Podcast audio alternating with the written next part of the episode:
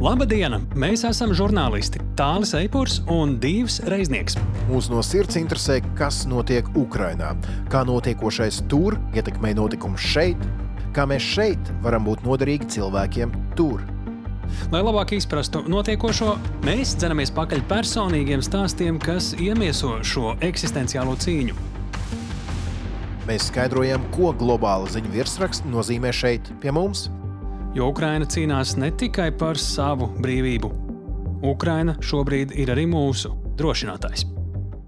Esiet sveicināti, raidieraksta drošinātājs, klausītāji, un es esmu sveicināts tu, raidieraksta drošinātājs, līdzvadītāji Tālija Eipura. Sveiks, divi reiznieki, un sveiki arī klausītājiem no manis 34. raidieraksta drošinātājs epizodē. Mēs joprojām tās turpinām skaitīt, cerot, ka vienā dienā tas viss apstāsies, īpaši jau Ukrajinā. Arī šajā reizē, kas iepriekš gandrīz nebija, mums parasti ir viena lielā intervija, šoreiz mums ir pusotra lielā intervija, vai ne tā? Jā, tā ir. Tas lielais virsraksts abām intervijām uh, ir Ukrāņu ievainotie karavīri šeit, Latvijā. Tie, kur te ārstējas, atlapstu. Pavisam vēl nesen uz Latviju tika atvesti kārtējie smagi ievainotie Ukrāņu karavīri, tieši smagi ievainotie. Tikmēr uh, raidījums drošinātājs tieši jaunajā epizodē mēs skaidrosim, kā šeit viņiem klājas. Tiem, kur ir atvesti jau pirms ilgāka laika, nevis tiem pašiem jaunāk atvestajiem. Un dzirdēsiet sarunu ar ievainoto Ukraiņas armijas seržantu Nikolaju. Uzzināsiet, kas tad viņam ir bijis par ievainojumu, diezgan nejauks.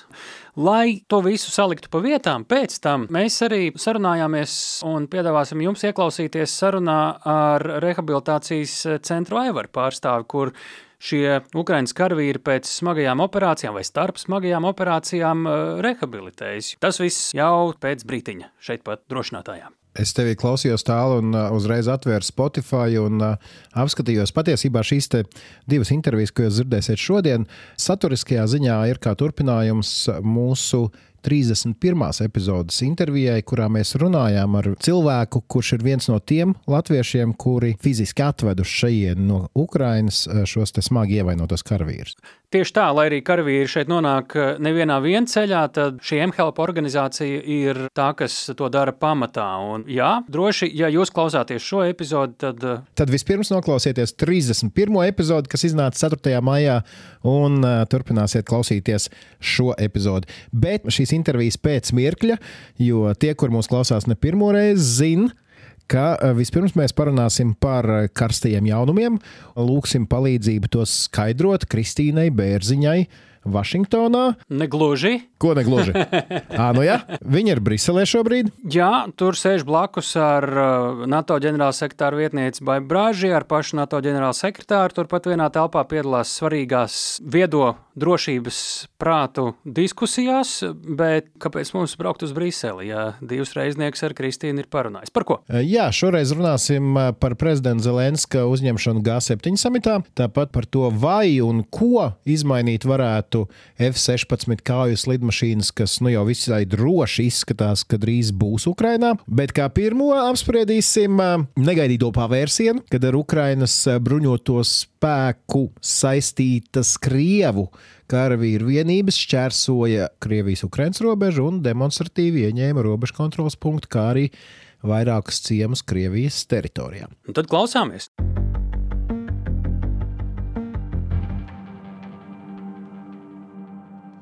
Sveiki, Kristīne! Sveiki, sveiki! Klau, nu sāksim ar šīs aizgājušās nedēļas mīklaināko ziņu aktīva kustība Krievijas-Ukrainas pierobežā, bet šoreiz jau Krievijas pusē. Proti, pienāca ziņas, ka Leģions Brīvā Krievija un Krievu brīvprātīgais bataljons abi šie formējumi ir saistīti ar Ukraiņas armiju, pārgājuši Ukraiņas-Krievijas robežu, ieņēmuši vairākus ciematus un nu, izvērš tur kaut kādu darbību. Ukraiņas Oficiālās iestādes teica, jā, ir tāda lieta, bet viņi rīkojas neatkarīgi. Kā uz šo skatīties, ja skatāmies no tava ekspertes skatu punkta? Notiek interesantas pārmaiņas. No vienas puses, visi tagad gaida lielo pretuzbrukumu, bet uh, izskatās, ka notiek eksperimenti drusku no no Ukraiņas puses vai no tiem, kur ir bijuši Ukrajinā, lai pārbaudītu Kādi tad ir refleksi Krievijā? Cik tālu Krievus var paspiest uz vienu vai otru pusi? Tas pateica to situāciju drusku sarežģītāku. Bet man liekas, ka, ja ļaut arī Kremlim drusku noraustīties par to, kas notiek valstī un kas notiek pierobežā, tas nav maznozīmīgi. Tur ir vairākas interesantas detaļas, kas man izsauc pastiprināti interesi. Viens ir fakts, ka šie divi militārie formējumi ir veidoti no Krievijas pilsoņiem. Vismaz tik, cik mēs zinām. Tā tad patiesībā nav tā, ka Ukrāņi būtu iebrukuši Krievijā, bet Krievi tīra savu sētu. No otras puses, mēs redzam, ka reakcija ir. Starp citu, interesants fakts. 1919. gadā Belgoroda sevi pasludināja par daļu no Ukrainas, un oficiālajie dokumenti bija Ukrāņu valodā. Tā kā, te jau mēs redzam internetā arvien vairāk un vairāk jociņas par Belgorodas Tautas Republiku, kā atsauce uz Doņetskas vai Luganskas Tautas Republikām. Nu, tas ir joks tajā pašā laikā arī tām tautas republikām pat jociņi var būt arī bīstami. Jo no, no vienas puses Ukraiņai ir jāatstāj ļoti uz to, ka tomēr ka robežas ir robežas un ka robežas nevar mainīt. Un Krievija spēlē to tautas republiku spēlīti. Un destabilizējošs efekts starptautiskajās acīs arī, bet man liekas, ka otrai pusē vajag sakaut Krieviju, bet nevajag spēlēt Krievijas spēli. Un kādreiz ar tiem tautas republikas gājieniem, man liekas, varētu būt uh, lielāks risks nekā jēgas. Tāpēc, ka tomēr vajag turēties vairāk pie principiem. Un tas tautas republikas tas, uh, jēdziens, man liekas, varbūt drusku bīstams un drusku jābūt piesardzīgiem par to. Bet no otras puses, kas tālāk notiek, tas, ka Krievijā varētu notikt kaut kāda destabilizācija, tas, ka Krievijā tomēr ir daudz mazākumtautības, tas, ka Krievijā ir krituši daudz vairāk tieši no mazākumtautībām karā Ukrainā, tas, ka ir iespējams, ka varētu būt kaut kādi decentralizācijas viļņi, ka varētu būt apdraudēta tīri drošība vai vai Kremļa ietekme kaut kur reģionos. Tie ir ļoti interesanti jautājumi. Par to jau ir daudz spekulēts, kā, kāda ir Krievijas tālākā nākotne, vai ir iespējams, ka lielvalsts, milzvalsts Krievija varētu kaut kā atkal sašķelties mazākos gabaliņos, vai šis nav piemērs? Tie ir lieli jautājumi, pat teiksim, akurāt tādu nu, termiņus par tautas republikām, man tas tā liekas, nebūtu labi tiem, kas atbalsta Ukrainu, izmantot Krievijas eh, jēdzienus pat pret Krieviju. Man atmiņā ir fakts, ka Kievas eh, pretizlūkošanas vadība un dažādi militārie pārstāvji eh, jau kādu laiku runājot par pretuzbrukumu, ir teikuši, ka tad, kad mēs sāksim, jums būs pārsteigumi.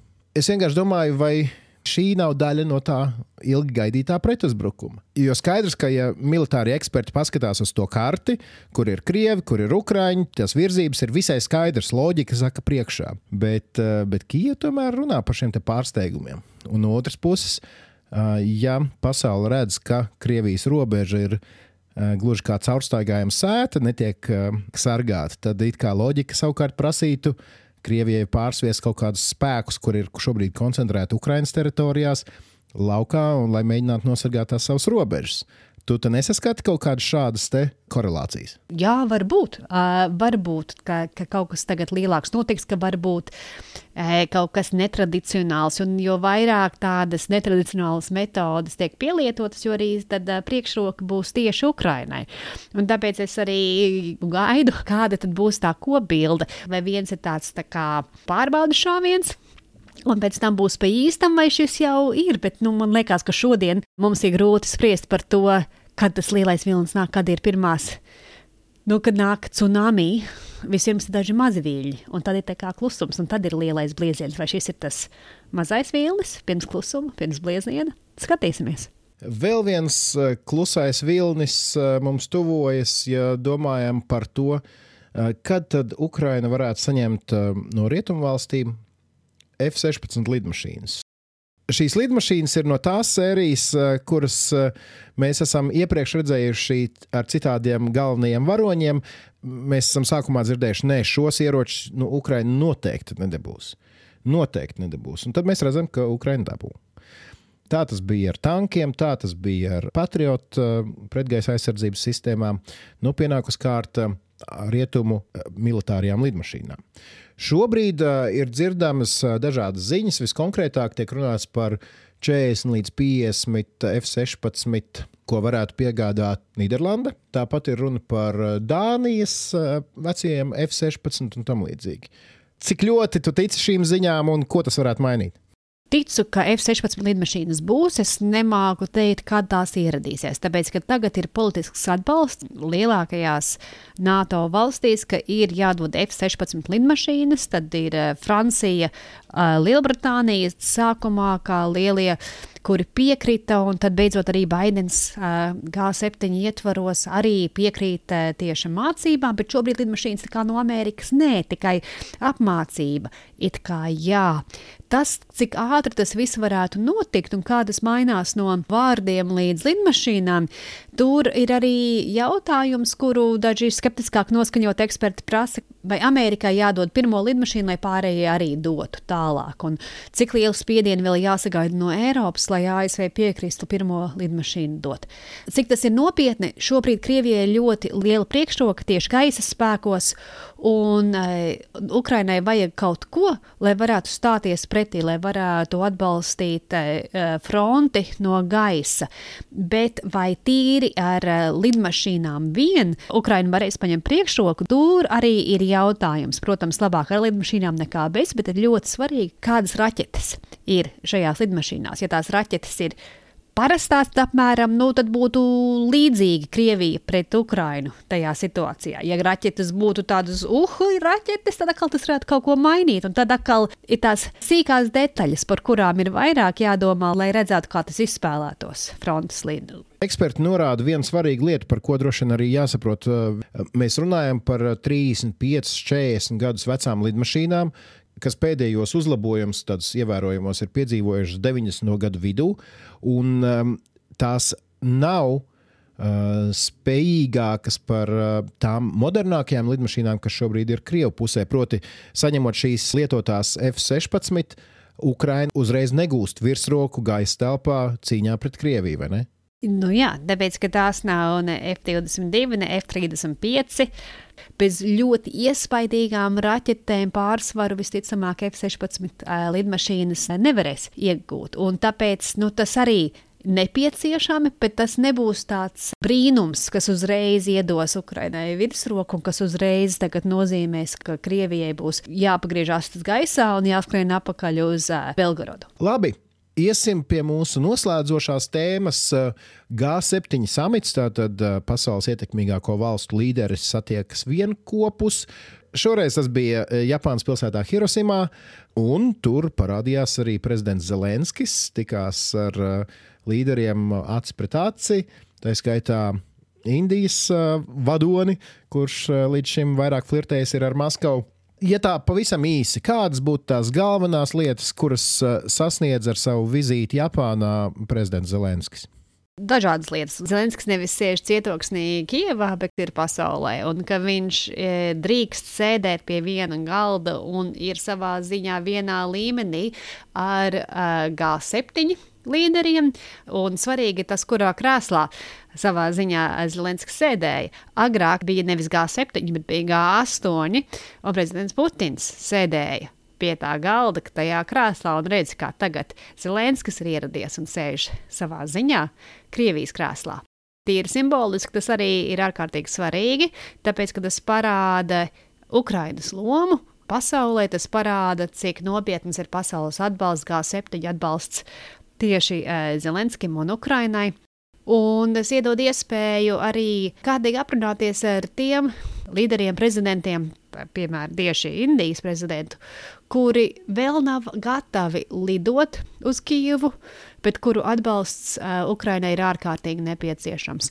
Un, ja Japānā varēja sākt tās sarunas, tas var sākt varbūt bīdīt šo jautājumu par uh, pārējo pasauli un, un plašākās pasaules izpratni par, par karu kaut ko uh, uz priekšu, tāpēc ka citādāk uh, Putins pastāsta savu un citu valstu līderi klausās.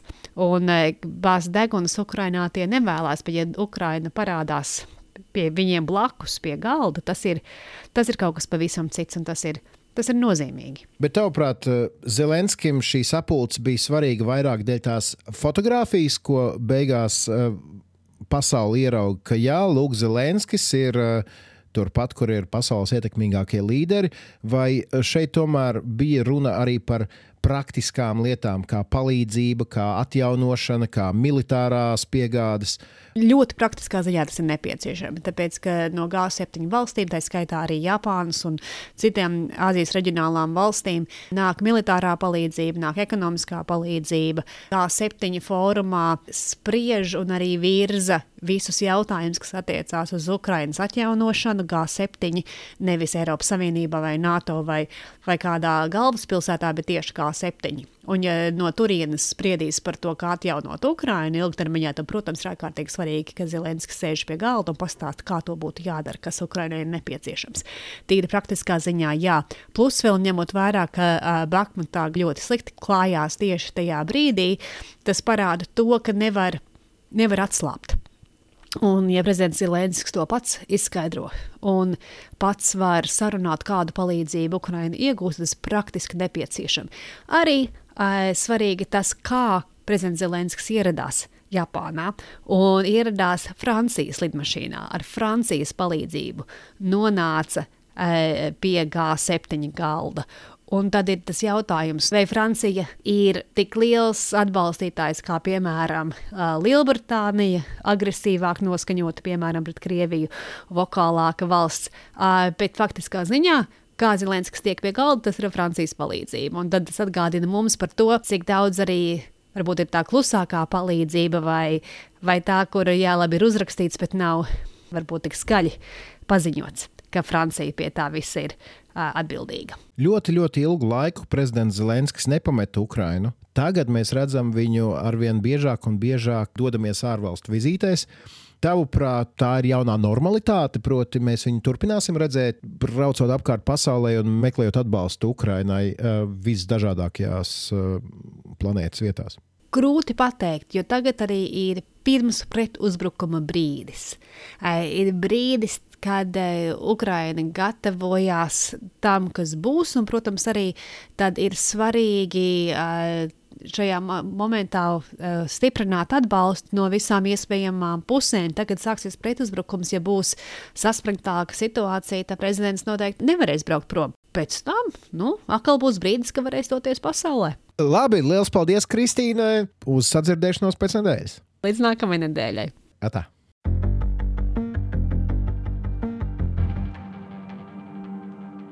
Nu, ko Zelenskis pagaidām vēl nesēdēja 16, sēdēja vienkārši Francijas lidmašīnā, civilajā, bet nu, jāskatās, kuros mēnešos tad reāli virs Ukraiņas gaisa telpas varētu ierūkties šie lidaparāti, tie, kur F-16. Jā. Te ir tiešām šīs militārās nianses ir interesantas savā ziņā, tāpēc, ka man vienmēr galvā ir jautājums, cik daudz mēs nezinām, cik daudz netiek publiski teikts. Jo tas, ka viss netiek teikts publiski, nu, ir pilnīgi skaidrs. Ja? Jā, no vienas puses šīs F-16 lidmašīnas nav nekādas jaunās un modernās, no otras puses, jā, tas ir svarīgi, kā tās aprīko un kādas uh, raķetes tām dod un tam līdzīgi. Skaidrs ir tas, ka ja būs pārsteigumi pretuzbrukumam sākoties, tas nebūs pārsteidzoši.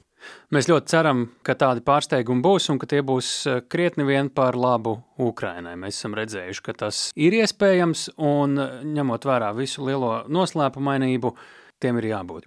Bet mēs eh, to daļu tiksim pie daudz jaunām zināšanām vai izpratnes un pie sarunām, jo stāsts ir par ukraiņu karavīriem, kuri ir Ukrainā bijuši smagi ievainoti un kuri vienā vai otrā veidā ir nonākuši ārstēties un atlapt Latvijā. Un, jā, mēs izvēlējāmies eh, šo tēmu pēc tam, kad jau bijām runājuši ar šo karavīru vedējiem vai transportētājiem uz Latviju vai organizētājiem.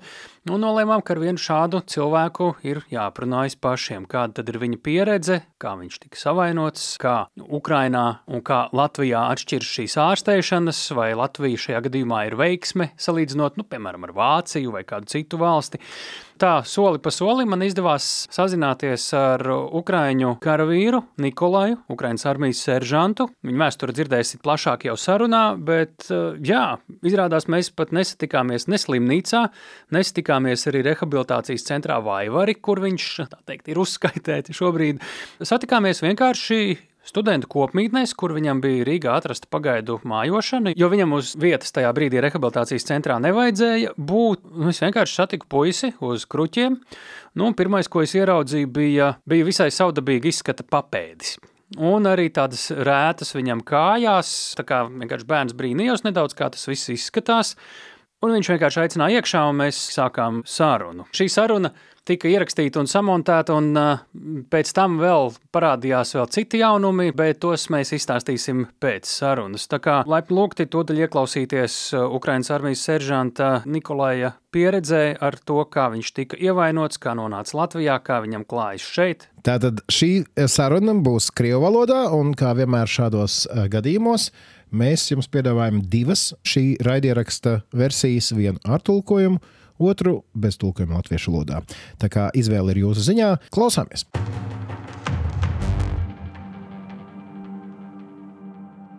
Labdien! Здравствуйте. Labdien! Ar ko mums ir tas gods? Я уроженец Латвии, меня зовут Николай. Esmu dzimis Latvijā. Mani sauc Nikolais. Piedzimis Ventspīlī.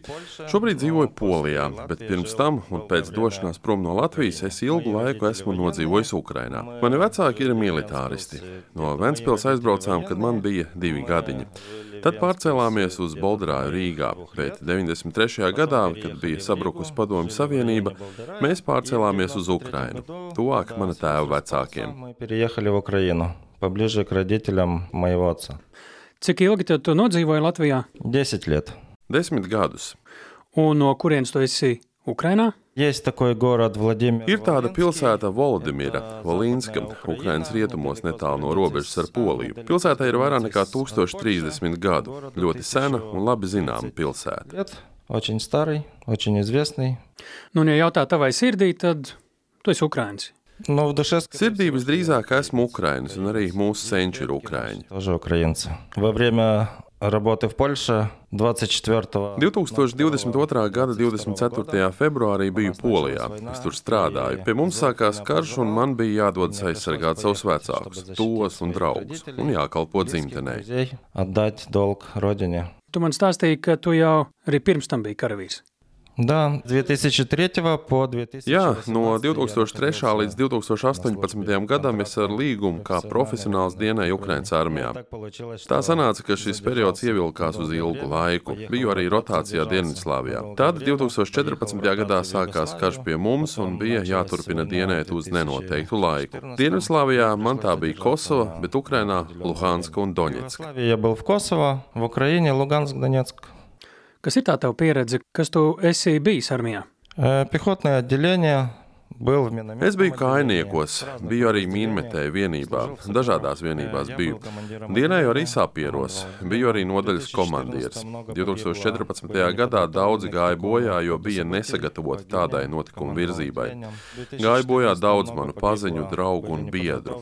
Bijām visdažādākajās situācijās, un klājās ļoti grūti, un ir arī ļoti smagi par to runāt un atcerēties tos gadus. Šobrīd man liekas, ka ir pat vieglāk На те года. Сейчас, мне кажется, легче. Pēc uh, lielā iebrukuma, ja? Да, потому что... Jā, jo tagad esam vairāk vai mazāk sagatavoti un jau gatavi visam. Ко всему. Tas tā kā nozīmē, ka tu visu laiku esi aktīvi karojis visus šos gadus, vai arī tur bija kādas pauzes? Были промежутки, да, были промежутки. Получилось Jā, так, bija arī что tādas. закончился Sanāca tā, ka контракт beidzās с līgums. Дедом Es jau sen biju gribējis atvaļināties, jo biju vienkārši noguris. Устал просто. Просто устал. Labi, Latvijā tu tagad esi, jo biji smagi ievainots, bet pirms tam vai tev arī bija pietiekami nopietni ievainojumi? До этого я не, у меня не было ранений. Были мелкие такие, не особо важные. А вот этот раз я наступил на мину. Līdz tam man ievainojumi nebija tikai tādi nelieli un nepārāk svarīgi, bet šoreiz es Harkivas apgabalā iz jums virzienā uzkāpu uz mīnas. Man paveicās, man norāva tikai papēdi, paliku dzīves. Paveicās arī tāpēc, ka paliku pie samaņas, nebija kontūzijas, un es laikus sapratu, ka esam ienākuši mīnu laukā. Tas, ka nepazaudēju samaņu, ļāva man izglābt arī dažu labu manu biedru dzīvības. Ja es būtu zaudējis samaņu un citi iet uz priekšu uz mīnām, uzkāptu arī citi. Man ir arī ieraksts, jo mēs pēc tam analizējām tādas situācijas, lai izvērtētu, kā rīkoties tālāk, un tādas neveiksmes neatkārtotos. Saņēmu arī vada komandiera pateicību, ka paliku pie samaņas un palīdzēju viņiem iziet. У меня есть запись командира взвода, что они меня благодарят за этот поступок, что я остался при памяти, ну, как бы собрался, но и помог им выйти. Nu, gan jau katrs, kurš eh, šobrīd dodas karot, saprot, ka reāli var tikt ievainots. Kā kam tādam sagatavoties? Tev jau pirms tam bija arī tavu biedru pieredze, kā viņiem gāja gan pirms, gan pēc ievainošanas, kā viņi gatavojās, kā pēc tam izturējās. Nu, sanāk, ka tu pirms sava lielā ievainojuma varēji mācīties, kā varbūt savākt sevi, cik tas var būt grūti, vai tam var kaut kā vismaz nedaudz sagatavoties, lai pēc tam būtu vieglāk. Это надо принять просто, осознать и принять. Ну, те, кто прошли боевые действия, побывали в миссиях, например, контрактную службу, Tas почувствовали... vienkārši ir jāpieņem, jāapzinās un jāpieņem. Tie, kuri ir reāli karojuši, bijuši misijās un izbaudījuši profesionālo dienestu, tiem droši vien šajā karā ir vieglāk. Viņi ir pieredzējušāki, apzinātāki, un arī šī kara laikā viņi mēģina nodot savu pieredzi, lai arī pārējiem būtu vieglāk to visu aptvert. Tā jau saka, ka drosme nav īpašība, kas cilvēkā ir pastāvīga un pati par sevi. Tā ir uzkrātā pieredze. Es biju gatavs jebkuram notikuma pavērsienam. Es biju gatavs mirt un no tā nebaidījos. Un joprojām nebaidos, pats nezinu К kāpēc. любому разрешению событий я просто готов был, ну, как бы умереть и не боялся этого. И до сих пор не боюсь, не знаю почему. Kā ir ar tām bailēm tur vienībā? Kā tas ir? Iet blakus cilvēki, daļai ir bail, daļai nē. Turklāt pārējie apkārt jau savējie to redz un gan jau zina. Да, были такие ребята, мы старались по ходу Jā, bija сложности tādi puiši. Mēs действий centāmies atkarībā no kara darbības nopietnības viņus kaut kā pārvirzīt uz citām vienībām, kaut kur uz aizmuguri, kur no viņiem būtu lielāks labums, jo noderīgs ir ik viens. Un, kad piedalījāmies cīņās, vai nu uzbrukuma vai aizsardzības, centāmies līdzņemt pārbaudītus un atbildīgus puišus, lai mazinātu zaudējumu risku. ребят с собой, чтобы исключить риск э, потерь. Tu tā tad uh, tik ievainots. Kas notika uzreiz pēc tam, pirmajās stundās, dienās? А, Меня долго вывозили с поля боя, нас обстреливали. Меня потом переправляли через речку. Mani ilgi ved ārā no kaujas lauka. Mūs apšaudīja. Mani cēla pāri upei, veda ar evakuācijas mediķu mašīnu. Mums pārsita divas riepas. Visu to laiku biju pie samaņas. Man puiši teica, nepārdzīvo, atbrauks cita mašīna un tevi savāks. Es sapratu, ka nekādas citas mašīnas nebūs. Es viņiem lūdzu, ja jums ir rezerves riepas, mainiet, lai cik ilgi tas arī nebūtu. Es pacietīšos līdz brīdim, kamēr netikšu līdz ārstam. Tā nu arī līdz pat šai slimnīcai palieku pie samaņas. Biju zaudējis daudz asiņu, bet galā tikām. Pie samaņas paliku pat operācijas laikā. Man dūra zāles, šuva asinsvadus, es to visu redzēju, bet neko nejūtu. Es pats fotografēju. Операции был в сознании. Мне укололи уколы, сшивали сосуды. То есть я был в сознании, видел это все, но не чувствовал. Даже делал фотографии. Nu, izklausās, ka tu kaut kādā ziņā pats organizēji savu glābšanu. Ну да, я как бы сам себе помогал. Jā, es it kā pats sev palīdzēju. Protams, viņi arī daudz paveica. Lielāko daļu puišu man nes uz nestuvēm. Bija liels gabals, kādi 3 km līdz upei, un pēc tam vēl pāri upei cēlā. Pēc tam ilgi braucām īso ceļu posmu, gan pārsisto riteņu, gan apkārtējās situācijas dēļ. Такую дистанцию из-за пробитых колес, из-за ситуации. Tā teritorija šobrīd ir atbrīvota. Эта территория уже освобождена. Jā, tā teritorija šobrīd jau ir atbrīvota. Nu, un pēc tam, cik ilgi gulēji slimnīcās Ukrajinā, un uh, kā viss nonāca līdz nosūtīšanai uz Latviju. После первой помощи был план эвакуации. Pēc pirmās palīdzības bija evakuācijas plāns. Braucām no pilsētas uz pilsētu dziļāk aizmugurē un tālāk no kara zonas. Un pēdējā no šiem punktiem man teica, ka es braukšu uz operāciju un atvesaļošanos uz ārzemēm. Es domāju, ka tā būs Vācija, bet pēdējā brīdī uzzināju, ka dodos uz Latviju, uz savu pirmo dzimteni. Вышло так, что в последний день я узнал, что я еду в Латвию на свою первую родину. Ko tu sajūti tajā brīdī? Я был приятно удивлен. Es biju patīkami pārsteigts, jo savas dzīves laikā vēl gribēju šeit atgriezties. Tiesa, ne tādā veidā, bet, lai vai kā, šī ziņa man bija patīkama. Для меня было приятной. Tāds kā liktenis, ja? Я думаю, да. Domāju, ka jā. Kad tev īsti ievainoja, mēs to nepieminējām, cik sen tas bija un kad pēc tā visa nonāca Latvijā. А Ранение я получил в середине мая. Ievainots tiku māja vidū pirms gada, bet Latvijā nonācu augustā. Лечению Я в Латвию попал в августе месяце. Kāpēc tev izlēma sūtīt tieši uz Latviju? Tas bija ievainojuma raksturs, vai arī tu pats kaut kā biji iesaistīts un varēji izvēlēties? Скорее всего, это из-за сложности ранения. Врачи... Jā, visticamāk, ievainojuma smaguma dēļ. Ārsti iesniedza manu kandidatūru rehabilitācijai un operācijai Veselības aizsardzības ministrijā. Tā saskaņā ar līgumiem ar Eiropas Savienības valstīm tad arī mani nosūtīja uz Latviju operācijai un rehabilitācijai. Правила меня в Латвию на операцию и реабилитацию. Kādā stāvoklī tu biji brīdī, kad tevi izlēma sūtīt uz Latviju? Jo tobrīd bija pagājuši jau trīs mēneši, un tas vasarīgais apģērbs ļauj saskatīt, ka tev cietas ir ne tikai papēdes, arī kāja augstāk. Когда я получил ранение, я был в тяжелом состоянии. Это утрата... Kad tiku ievainots, biju smagā stāvoklī, bojāta ekstremitāte un zaudēts asinis. Manī bija arī šķembas, bet slimnīcās mani stabilizēja. Latvijā jau ierados vidēji smagā stāvoklī. Стабилизировали, И я уже ехал в Латвию средней тяжести. Ja tevi neizlemtu sūtīt uz ārzemēm, Ukrainā tu būtu tādā pašā stāvoklī šobrīd, kā tagad es te? Э, Ну, сложно сказать, потому что если бы я остался... To tā в grūti Украине, pateikt. Ja paliktu Ukrajinā, man droši vien pilnībā amputētu pēdu un uzliktu protēzi, jo operācija būtu ļoti sarežģīta un laikietilpīga. Bet tādām lielā ievainoto skaita dēļ nav laika tam, lai to izdarītu tā, kā to profesionāli paveic šeit, Latvijā.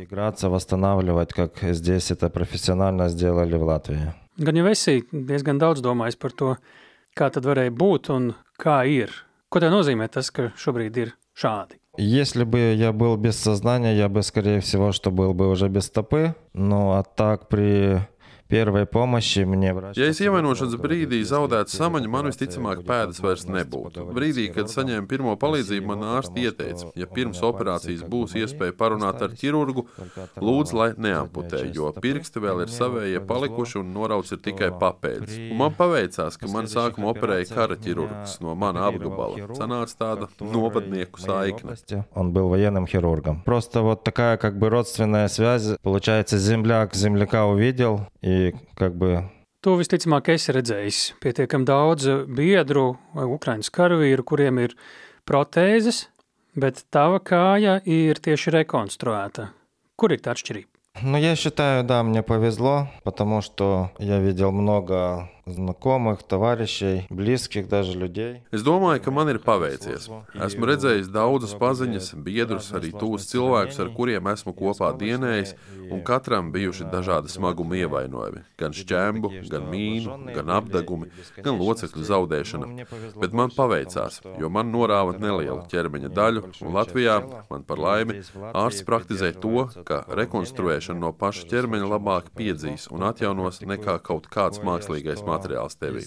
собственного тела протезирование будет лучше приживаться и восстанавливаться, чем искусственный материал какой-то в середине тебя. И получается, с меня сделали мне запчасть к ноге. С колена и с бедра мне вырезали и сделали... Sanāk, ka no manis paša ņēma detaļas manai kājai. Tās izgriez no mana ceļa un gurna un izveidoja papēdi. Lai to atjaunotu, man no ikra izņēma muskuļus, aizvēra ievainojumu. Divus mēnešus tas viss dzīja. Decembrī Latvijā atgriezos otrreiz. Tad man no ceļa bļodiņas un no gurna izveidoja pilnvērtīgu papēdi. И уже с коленной чашечки и с бедра мне сделали полноценную часть задней стопы. Un ko saka? Kā tam tagad tālāk visam būtu?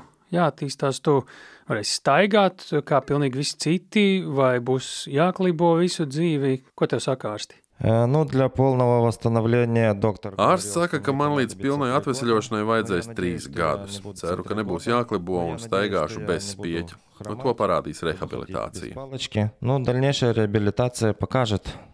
Nu, psiholoģiski, ko tev tas nozīmē? Es pats esmu gājis rehabilitāciju tieši Vaivaros, starp citu, un es atceros tādu nu, diezgan smagu darbu, lai varētu atjaunot tās kustības maksimāli. Да, большая часть восстановления зависит от самого себя. Jā, lielākā daļa atlapšanas atkarīga no paša. Jāstrādā ar sevi, jācenšas daudz laika pavadīt, vingrinoties, jo rehabilitologi iedod minimumu un virzienu, bet tālākā daļa atkarīga no paša. Большая часть восстановления зависит от самого себя. Nu, man tas diezgan grūti nāca. Man apnika katru dienu viens un tas pats. Мне тоже было очень трудно поначалу. К этому надо быть готовым. Man arī bija ļoti grūti sākumā, un tam ir jābūt gatavam. Sanāk, ka pusgada kopš tu decembrī nokļuvi Latvijā un bija operācijas, tad tu visu laiku arī esi bijis šeit uz vietas. С декабря месяца, да, постоянно в Латвии. В августе меня привезли, в сентябре я уехал, восстанавливался. Jā, kopš decembra visu laiku Latvijā. Augustā atveda, septembrī aizbrauca atlapes slimnīcās mājās, Ukrainā. Decembra sākumā atbraucu uz nākošo operāciju, lai atjaunotu kaulu. Pēc Gaļazera man nosūtīja uz Vaivariem. Biju mēnesi rehabilitācijā. Tad turpat Jūrmalā biju rehabilitācijā Sociālās integrācijas valsts aģentūrā. Tad atkal atgriezos Vaivaros. Tagad uzturos Rīgā un rehabilitējos. Сейчас нахожусь в Риге на реабилитации. Переезжаю с места на место.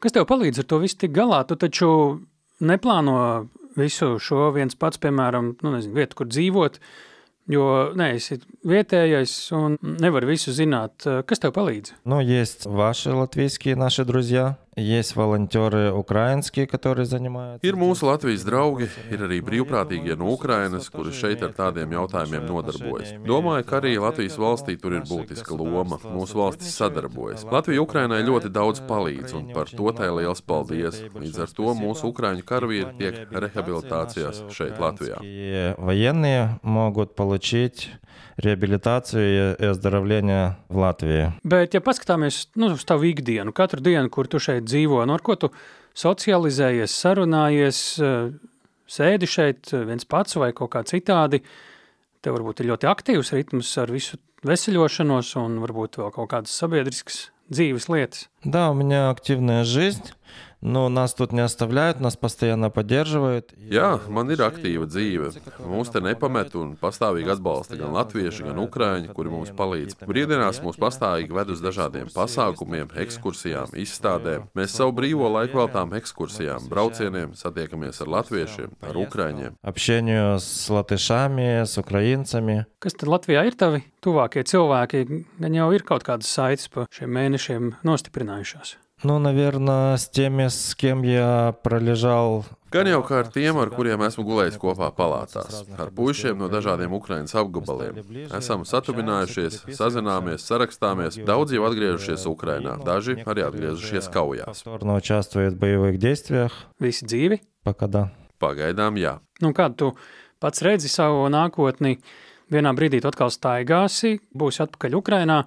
Kā tu tur vari būt noderīgs, un vai tu gribi tur tāds būt, un vai tas vispār ir iespējams? Ну, в данный момент я хоть и нахожусь как бы на... Šobrīd, lai arī esmu rehabilitācijā citā valstī, kopš pirmajām dienām pēc sava ievainojuma es sāku palīdzēt saviem puišiem, kuri bija ievainoti un atradās dažādās ārstniecības iestādēs. Vai no ar saviem ārzemēs esošajiem paziņām, vai civilajiem mēs nodarbojāmies ar brīvprātīgo На palīdzību. гражданке мы занимались волонтерской помощью, доставляли ребятам в госпиталя одежду, средства гигиены. Piegādājām slimnīcās apģērbu, higiēnas līdzekļus, zāles, ko nu kuram vajadzēja. Gan Latvijā, gan Lietuvā, gan Polijā. Šodien ar telefonu var paveikt visu.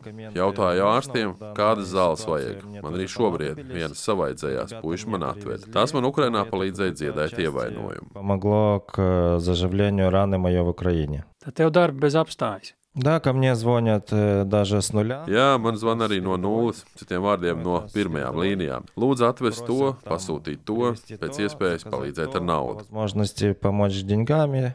Kas tev tā zvana?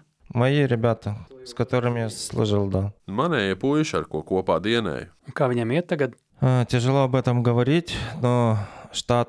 Man ir smagi par to runāt, bet no manas vienības pamatsastāvā atlikuši 15 cilvēki no 100. Vairāk nekā 30 gājuši bojā. Tā ir viena trešdaļa. Vienība atjaunoja, bet zaudējums sirdī ir palicis. Как бы потеря в сердце осталась, да.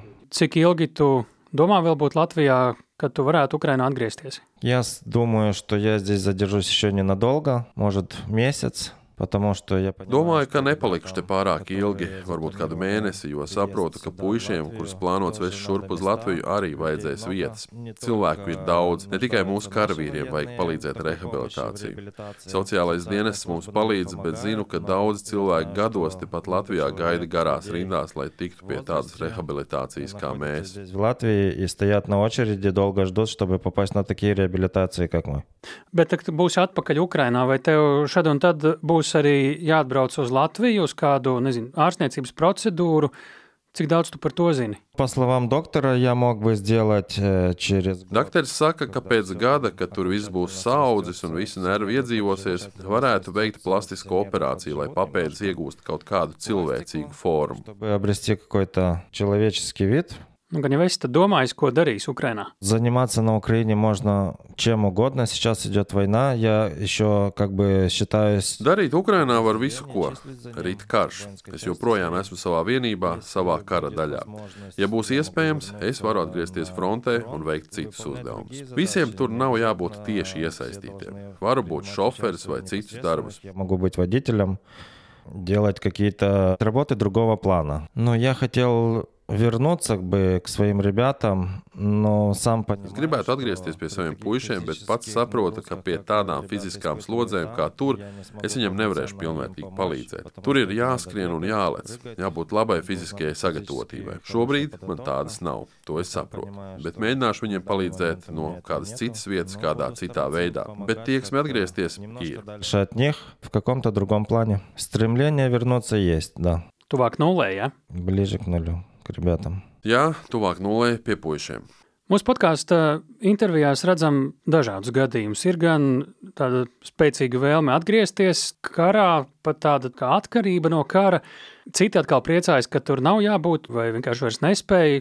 No kā tas ir atkarīgs? Ну, я думаю, что это зависит э, от каждого человека. Tas atkarīgs no katra cilvēka personīgi, jo katram dzīvē ir savi mērķi un plāni. Mans plāns tagad ir tāds, ka mums vajag uzvarēt, un mana piedalīšanās, jebkurā veidā, esot Ukrainā, būs noderīga mūsu tautai. В сфере моего пребывания на Украине будет полезно для нашего народа. Latvijas armija neinteresējas par tavu, par citu Ukraiņas karavīru pieredzi. Varbūt tev pašam vai taviem biedriem ir bijušas kaut kādas eh, dalīšanās pieredzē. Да, мы общались с э, военными разных национальностей. Jā, mēs esam runājuši ar dažādu valstu karavīriem. Bijām arī ekskursijā NATO bāzē Latvijā. Mums parādīja šajās vienībās dienējošo ikdienu. Jā, mēs dalāmies pieredzē. Katra dalīšanās pieredzē palīdz tālākās darbībās. участиях в таких действиях.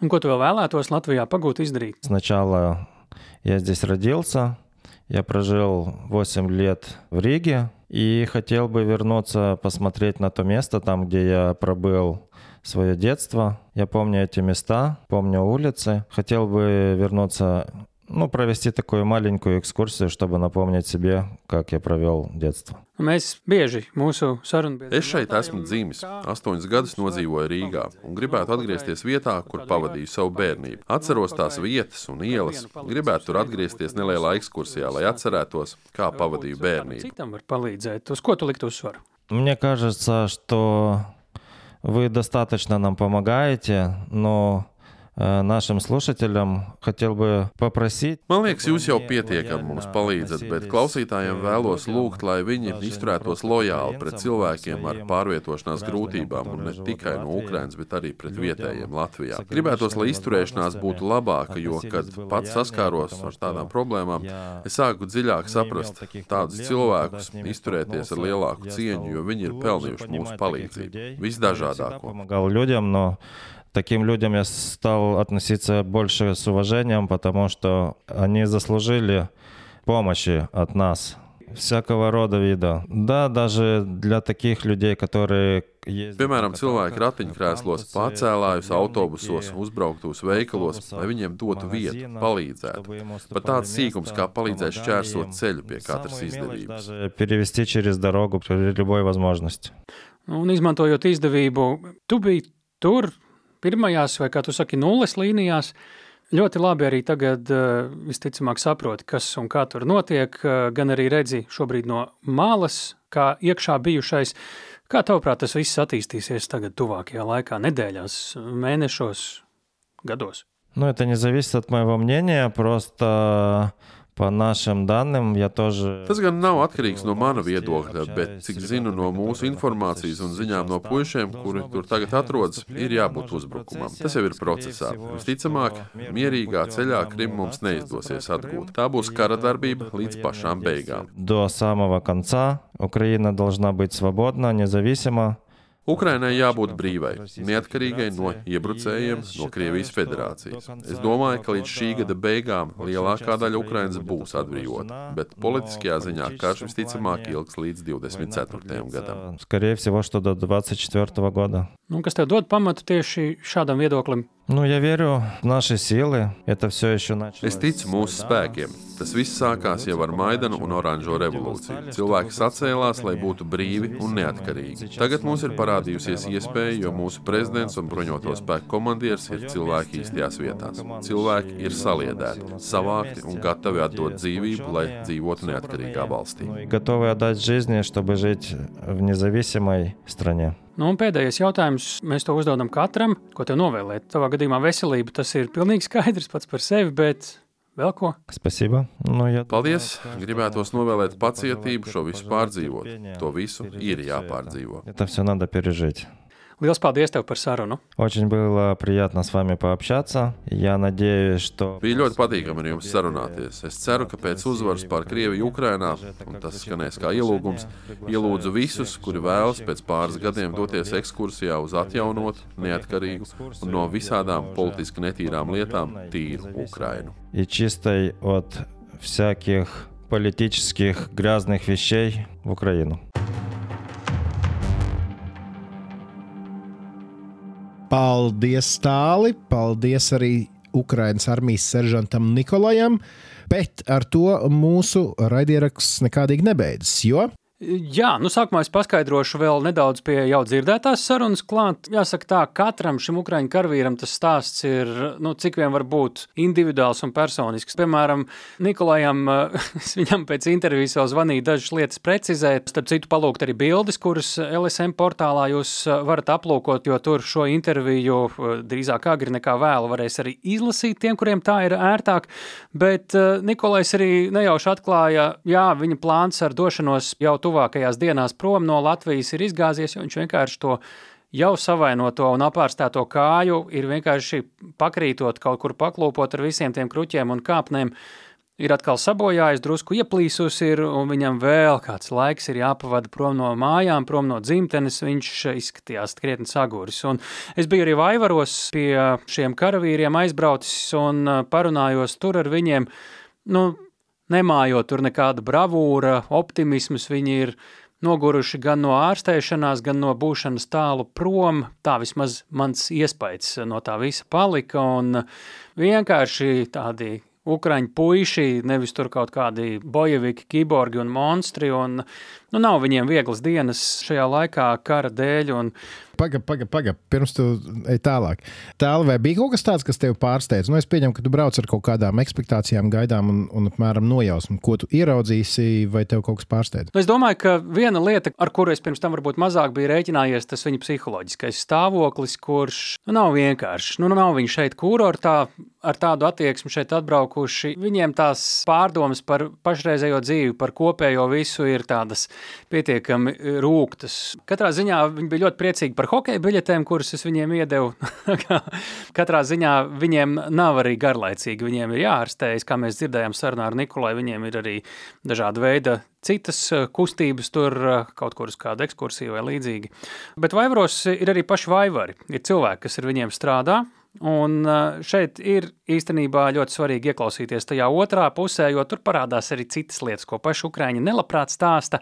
Mēs šādu sarunu ierakstījām. Tā ir ar fizikālās un rehabilitācijas medicīnas ārsti Nacionālā rehabilitācijas centra Aivara stacionāra virsārsti, arī Latvijas ārstu rehabilitologa asociācijas valdes locekli Ines Vikliņu. Paldies, ka viņi piekrīt šai sarunai, izstāstīt, kā tad no viņu puses izskatās šī Ukraiņu, šajā gadījumā ne tik daudz operēšana, griešana, bet tieši atlapšana pēc visām operācijām. Manuprāt, vairākas tādas vērtīgas atziņas šīs sarunas laikā. Tā nebūs tik gara kā ar Nikolai, tā kā pacietība nebūs liela jābruņojas. Šīs uh, epizodes, nu jau jāsaka, trešā saruna. Šoreiz ar Ines Svikliņu Vaivaros. Kādos ceļos tad Ukrāņu karavīri nonāk šeit, līdz rehabilitācijas centram Vaivari? Tie ceļi ir dažādi. Tie ir divi ceļi. Viens ir oficiālais caur viņu veselības eh, ministriju, sadarbībā ar mūsu aizsardzības ministriju. Un, protams, arī mūsu ārsti, galvenokārt ķirurgi, kas brauc palīdzēt. Nu, droši vien visi zina doktoru Mālzubu, doktoru Libermanu. Tad, protams, arī šajā, ja drīkst tā teikt, blatu ceļā viņi nokļūst arī pie mums. Nosauksim to par cilvēcīgo ceļu. Protams, tad, kad ir tik liela, uh, milzīga nelaime, nav iespējams palīdzēt absolūti visiem.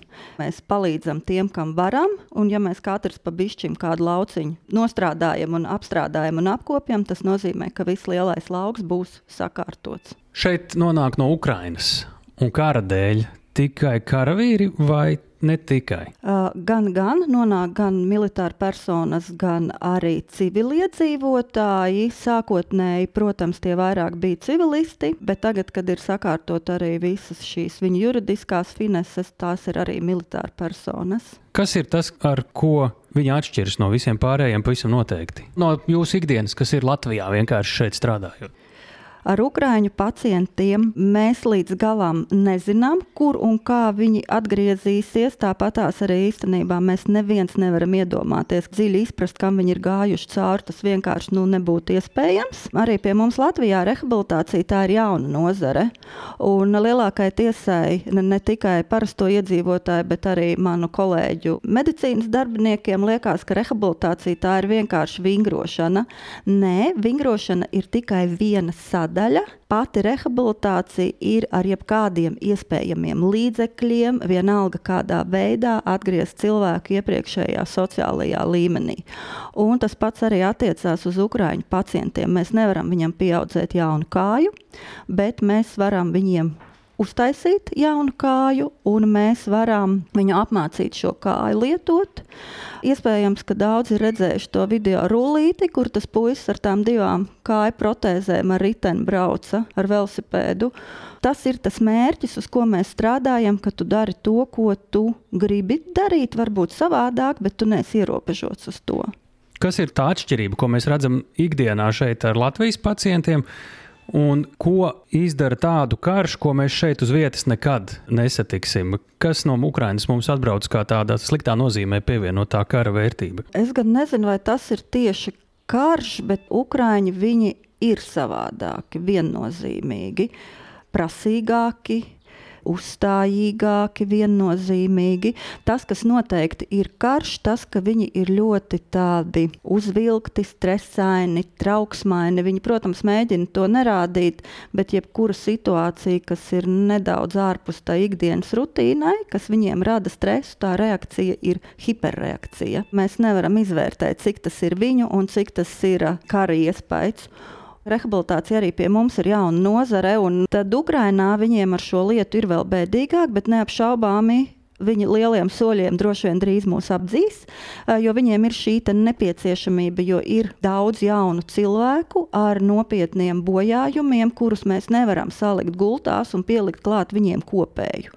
Mums ir svarīgi, ka viņi atgriežas sociumā un nes to savu pienesumu, un tāpat tās Vaivari arī piedalās šajās apmācību programmās Ukraiņu kolēģiem, kuri brauc pie mums mācīties gan ārstī, gan funkcionālie speciālisti. Protams, viņiem šie profesiju standarti vēl līdz galam nav izstrādāti, bet, kā jau es teicu, viņi milzīgiem soļiem mums tojās, un kas attiecās uz maniem kolēģiem, tie arī ir ļoti ieinteresēti un ļoti nopietnā tempā un intensitātē uzsūc visu to jauno, jo tas arī maina šo domāšanas paradigmu. Ko mēs mācāmies no šī visa šeit, Latvijā? Jā, arī mūsu rehabilitācija attīstās. Viņa bija labā līmenī, bet mēs ejam dziļumā, specializējamies vairāk.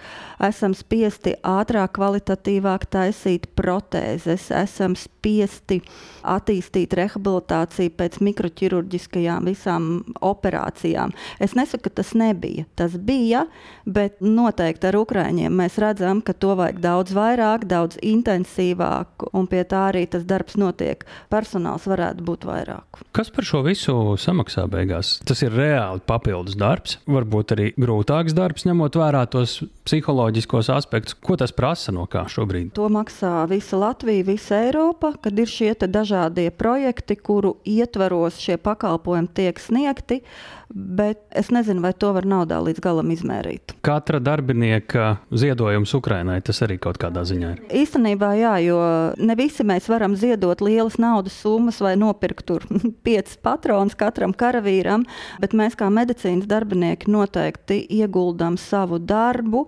papildus laiku, papildus arī šo psiholoģisko enerģiju, jo, protams, kad ar šiem pacientiem strādājot, tev ir jābūt vēl pacietīgākam kā parasti, vēl iejūtīgākam kā parasti, un cilvēka resursi jau arī ir tik liels, cik viņš ir. Cik liela ir tā spēja palīdzēt mums rehabilitējot cilvēkus no Ukrainas, kur šeit kara dēļ ir ieradušies? Cik viņi vispār drīkst atvest, lai nebūtu par daudz un tie cilvēki nepalikt bez reālas palīdzības? Ik pa diviem mēnešiem 11 pacienti tiek atvesti un varbūt vēl kādā brīdī kāds šie patsmit tiek atvest ar šiem MHLP puišiem, un ir vēl kaut kāds cipars, kas varbūt nonāk pa citiem ceļiem. Saprotu, ka tā vajadzība viņiem būtu daudz lielāka, bet arī citās Eiropas valstīs tiek piedāvāts šis rehabilitācijas pakalpojums. Kas ir mūsu niša šeit Latvijā vai nišas?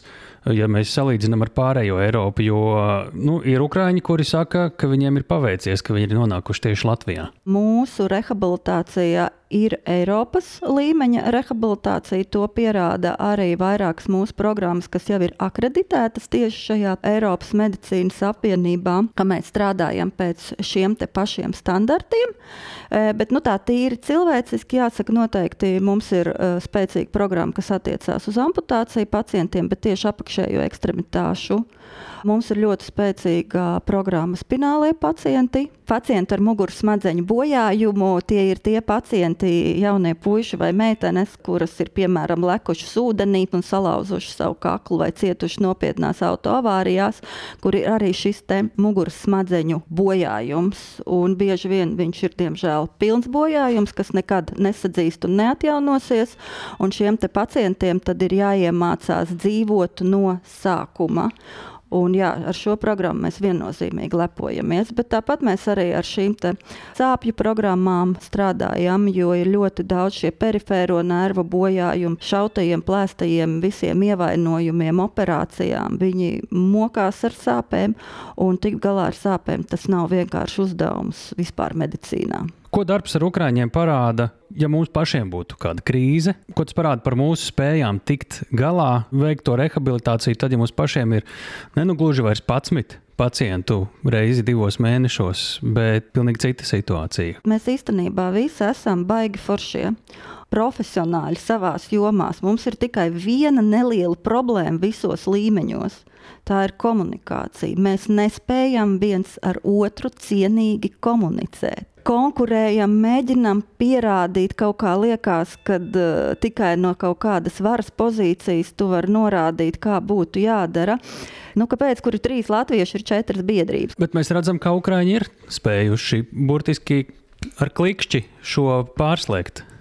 O, jā, dzīve viņus piespieda, jo tad, kad mēs ar doktoru Nulu bijām 18. gadā vai 17. Ukrainā, tur bija šī sabiedrības polarizācija. Bija tie, kas bija tajā karā iekšā, viņiem bija pilnīgi nepieņemami, nu kā tie pārējie var nesaprast. Un tad bija šī otra sadaļa, kad uz mums tas neatiecās. Bija pilnīgs, pilnīgs noliegums. Protams, ka tā arī ir tāda psiholoģiska barjera, ka tu aizsargājies, jo karš nu, tās laikam ir viens no lielākajām šausmām, ko cilvēks var izdomāt. Droši vien šīs briesmīgās situācijas ir tās, kas mūs visus mobilizē un arī viņus ir mobilizējuši. Tāpēc es arī saku, ka mēs tiktu galā, un palielam mēs jau arī vienmēr esam pierādījuši, ja notiek kaut kāda nelaime, Latvijas ļoti uzreiz savācās un palīdz un to savu egoismu bišķiņa aizmirst. Es nezinu, kāpēc mēs priekos to pašu nedaram. Par Ukrāņu karavīriem, kuri ir šeit, kādās stadijās jūs viņus saņemat? Kas šeit atbrauc? Tas karavīrs, ar kuru mums bija plašāka saruna, viņam vienkārši bija uz mīnus norauts papēdis. Ko jūs vēl saņemat? Īstenībā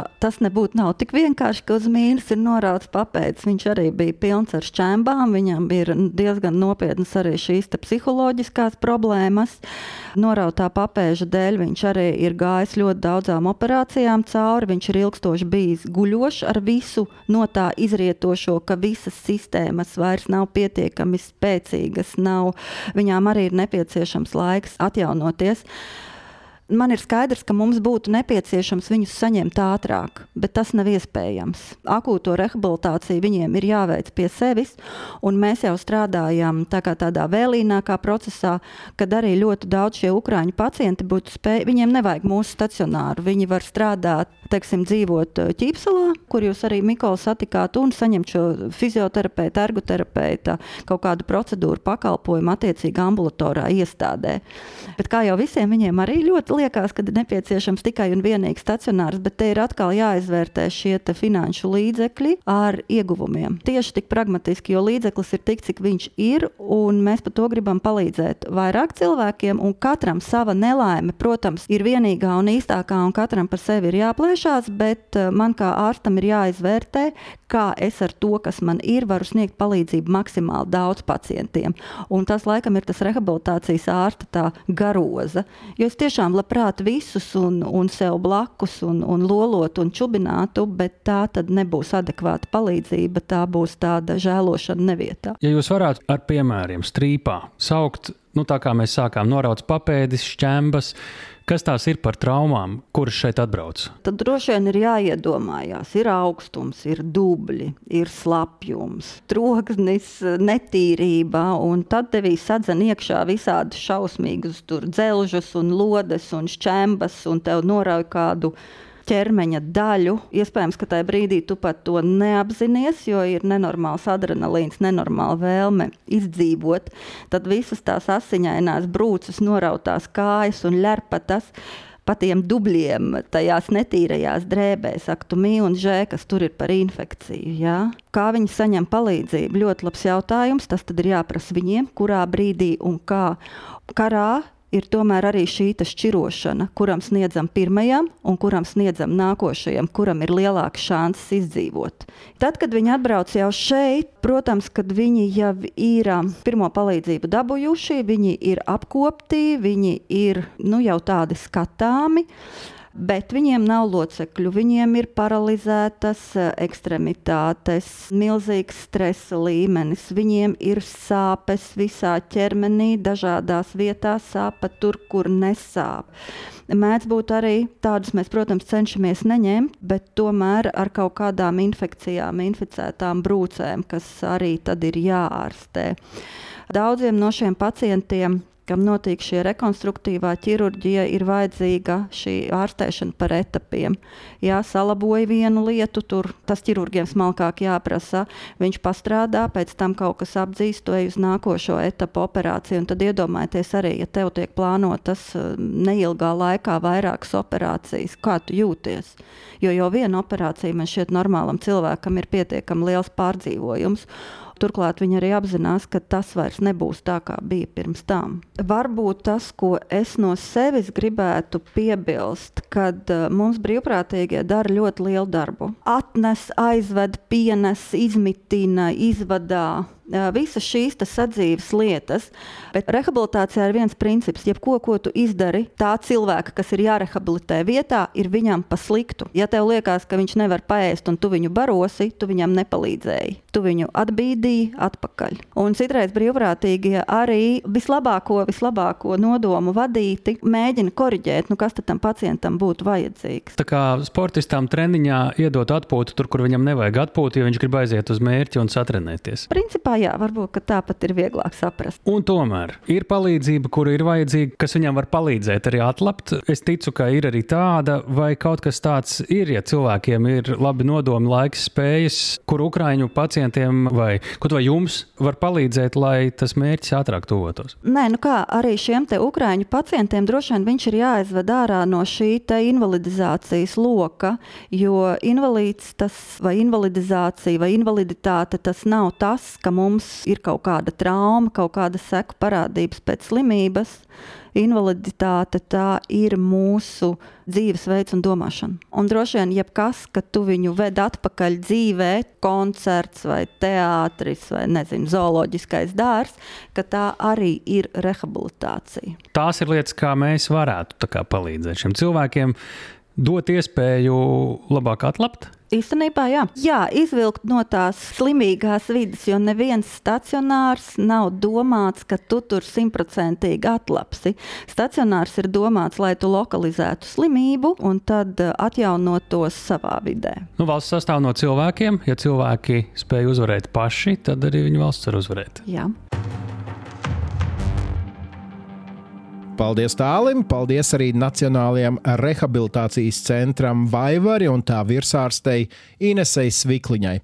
Nu, katrā ziņā, ja jums bija jautājumi par to, kā ievainotie Ukrāņu karavīri nonāk Latvijā, kāpēc viņi nonāk, kuri nonāk, kuri nenonāk un kas ar viņiem šeit notiek, tad es ceru, ka jūs esat saņēmuši visas atbildes. Atgādināšu, ka par to, kā šie karavīri nonāk Latvijā, jūs varat klausīties lielo interviju drošinātāja 31. epizodē, kas iznāca 4. maijā. Un, ja jūs domājat, ka šo visu būtu vērtīgi dzirdēt vēl kādam, nu, aizsūtiet linku ar mūsu epizodi kādam savam draugam, radam paziņam. Nu jā, tu teici, ka mēs visu uh, esam jau pajautājuši un atbildējuši varbūt šajā sarunā. Ja jums tā nešķiet, ja jums vēl ir kādi jautājumi vai ierosinājumi, divas tūdaļ pateiks, kur vērsties. Jā, starp citu, es uh, aicināšu pēc palīdzības mūsu klausītājus. Ja jūs klausāties tajā dienā, kad uh, šis podkāsts iznāk, atrakstiet ātri uz drošinātājs Latvijas Rādio LV ieteikumu, ko man intervēt nākamnedēļ. Man bija sarunāta intervija, bet tā pārcēlās uz 2. jūniju. Tā kā šis ir īstais mirklis, kad nāk man talkā. Vajag jau uz nākamo nedēļu. Jūs klausāties vēlāk, šo neņemiet vērā. Šo neņemiet vērā, ja jūs klausāties vēlāk.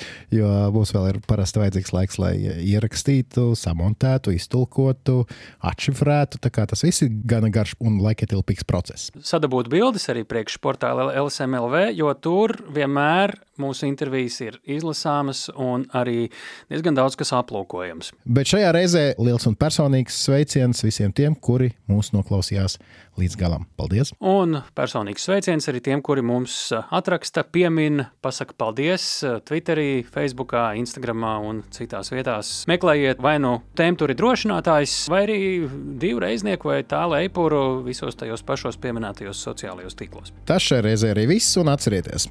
Drošinātājs tas ir skaidri un personīgi par kāru Ukrainā.